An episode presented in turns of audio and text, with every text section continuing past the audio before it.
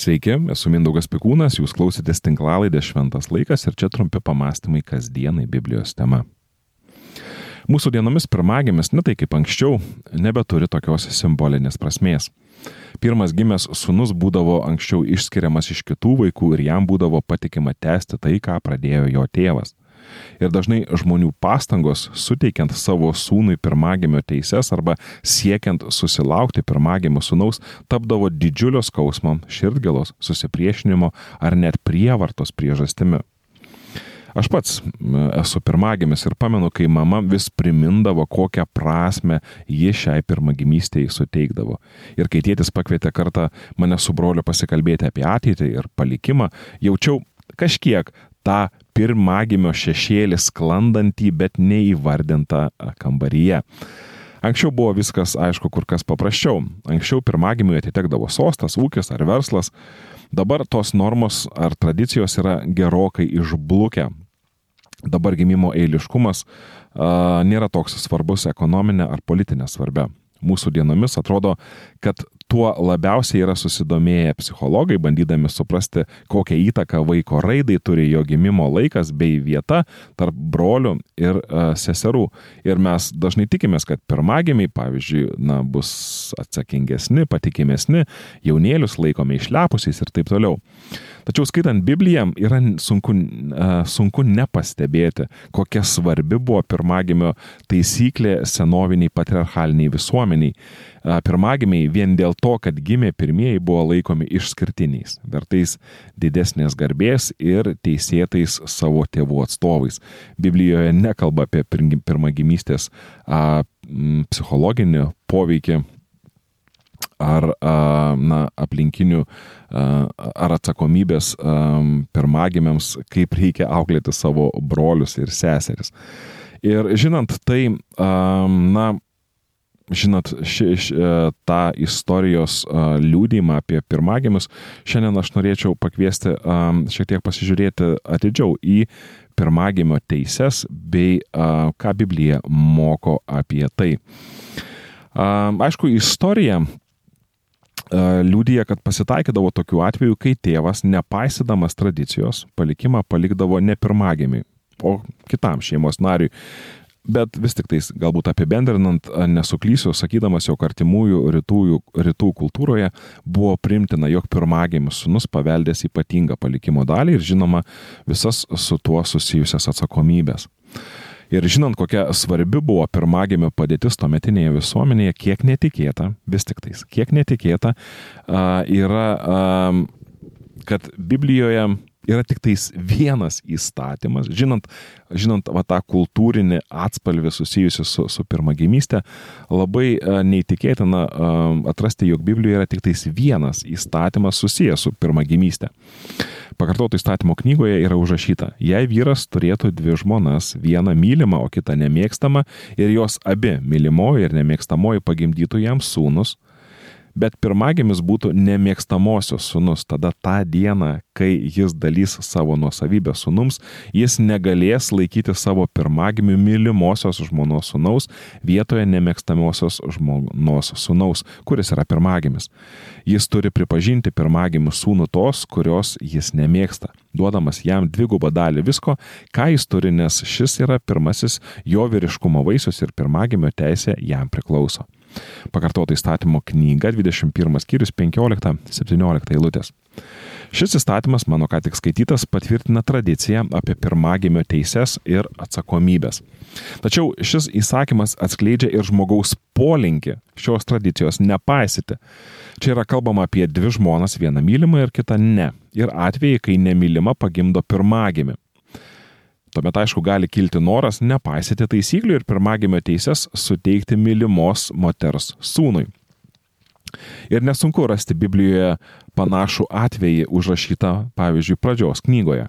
Ten mes randame Jokūbą, kuris veda dvi žmonas ir, kaip netikėta, vieną myli labiau, o kitą ne.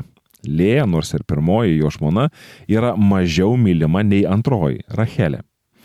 Lėjai gimė sūnus, pirmagimis vardu Rubenas. Tačiau Rachelė, Jokūbo mylimoji žmona, pagimdė Juozapą. Biblijoje rašoma, kad Izraelis, tai yra Jokūbas, mylėjo Juozapą labiau negu bet kurį kitą savo vaiką, nes jis buvo jam gimęs senatvėje. Jis buvo jam pasiūdinęs puošnų apdarą su rankovėmis ir broliai, matydami, kad jų tėvas myli jį labiau už kitus, jo brolius, jo taip nekentė, kad vengdavo net pasisveikinti. Pradžios knyga 37 skyrius 3-4 eilutės. Šeimoje kilo tikra neapykanta, nes Jokūbas aiškiai pradėjo išskirti Juozapą iš visų kitų brolių. Atsirado trintis, nes Jokūbas akivaizdžiai pradeda nepaisyti nusistovėjusių toje visuomenėje taisyklių. Ir nors Biblijoje randame nurodymą paisyti teisingumą pirmagimio sunaus klausime, Vis tik mes matome ypatingai pradžios knygoje, kaip netgi pats Dievas greuna ir ardo nusistovėjusias normas ir nepaiso visuomenės taisyklių reikalaujančių skaityti su pirmagimio sunaus statusu ir privilegijomis. Mes matome, kaip jis, tai yra Dievas, šias palaimas ir atsakomybę suteikia netgi mažiausiai tikėti, na, mažiausiai kandidatams, iš kurių mes to galbūt mažiausiai ir tikėtumėmės. Dievas atrodytų kovoja su aistromis susijusiamis su pirmagimio teisėmis ir tuo, ką ši privilegija reiškia. Aišku, aš iš, iš karto noriu pasakyti, kad a, galbūt pirmagimio, na, ta tradicija pirmagimystės yra visai nebloga, tik tais Biblijoje labai ryškiai tai matosi, kaip šita teisė į pirmagimio, a, į pirmagimio statusą kaitina pačias baisiausias aistras žmogaus širdyje. Ir skaitydamas Bibliją, ypatingai į Senąjį testamentą, vos ne kiekvienoje Biblijos istorijoje aš stebiu, kaip Dievas na, tą pirmagimio idėją verčia aukštinkojom. Jisai lyg ir kovoja ne su pačia pirmagimio idėja, bet greičiau, ką, kokią prasme pirmagimystėje žmogus suteikia. Na pavyzdžiui, pasakojimuose apie Kainą ir Abelį, Abromą, Išmaelį ir Izaoką, Jokūbą ir Ezavą mes matome, kaip Dievas laužo tas visuomenės nusistovėjusios normas. Kainas, pirmagimis, netenka savo teisų ir jo vietą užima Setas, trečias Adomo ir Jėvo sūnus.